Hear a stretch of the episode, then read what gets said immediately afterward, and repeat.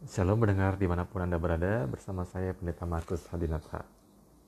Firman Tuhan hari ini dari 1 Timotius pasal 1 ayat 12 sampai 16. Aku bersyukur kepada dia yang menguatkan aku yaitu Yesus Kristus atau Kristus Yesus Tuhan kita. Karena ia menganggap aku setia dan mempercayakan pelayanan ini kepada aku. Sekalipun aku tadinya seorang penghujat, penganiaya, dan orang yang ganas, namun aku telah dikasihaninya karena semuanya itu telah kulakukan tanpa pengetahuan di luar iman.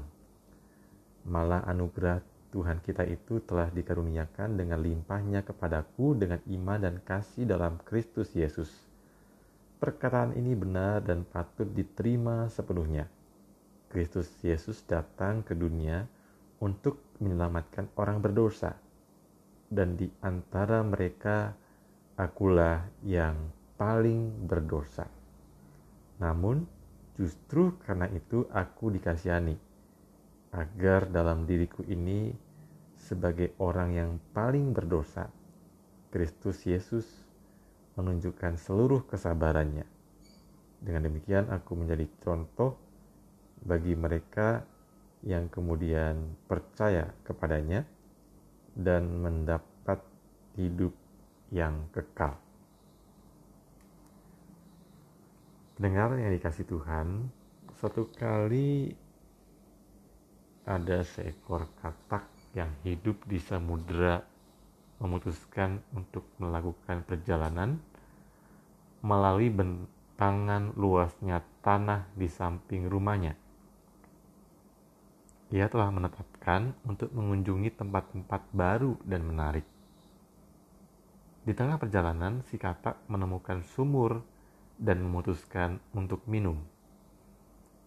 Sebuah kejutan yang menyenangkan, di mana katak samudera bertemu dengan katak lain di sumur yang juga dibuatnya terkejut oleh kedatangan tak terduga.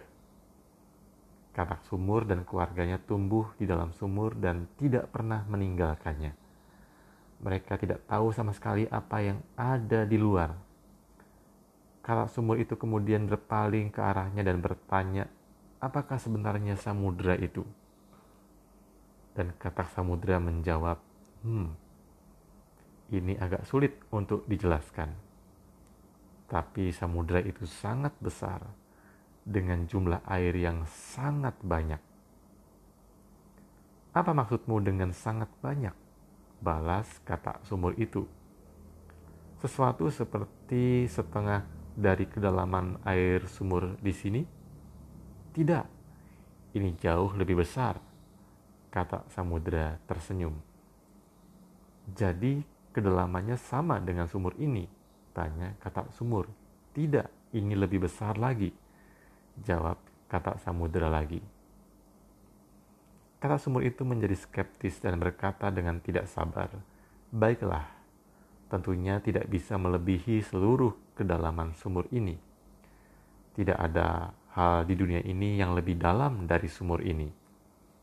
Saya benar-benar tidak ingin menyinggung perasaan Anda, jawab kata samudera tapi memang jauh lebih besar. Kata sumur itu marah dan berbicara dengan kasar.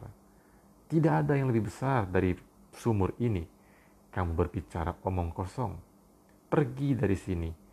Kamu membuatku marah dengan ceritamu tentang samudera. Pendengar yang dikasih Tuhan, Paulus sebelum menjadi seorang penginjil bernama Saulus. Sama seperti katak yang ada di sumur itu semula dia merasa bahwa dia adalah orang yang paling mengetahui kebenaran. Katak sumur merasa bahwa kebenaran satu-satunya adalah kebenaran di sumur itu. Karena mereka belum pernah melihat betapa luasnya samudera sebagaimana yang diceritakan oleh katak samudera dalam hidup beriman ketika kita tidak pernah bergaul berelasi dengan kalangan dari iman lain kerap kita merasa diri yang paling benar sementara yang lain adalah salah. Namun semakin kita berrelasi dengan orang-orang lain yang berbeda dengan kita, di sanalah kita akan mulai belajar hal-hal yang baru. Bukan berarti kita meninggalkan iman kita, tetapi justru di sanalah iman kita dapat diperkaya. Seorang yang bernama Epictetus VII pernah mengatakan, mustahil bagi seseorang untuk belajar jika dia berpikir bahwa dirinya sudah tahu segalanya. Amin. Kita berdoa.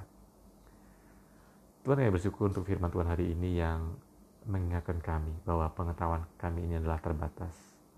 Tolong kami untuk dengan rendah hati terus mau belajar hal-hal baru di sekitar kami.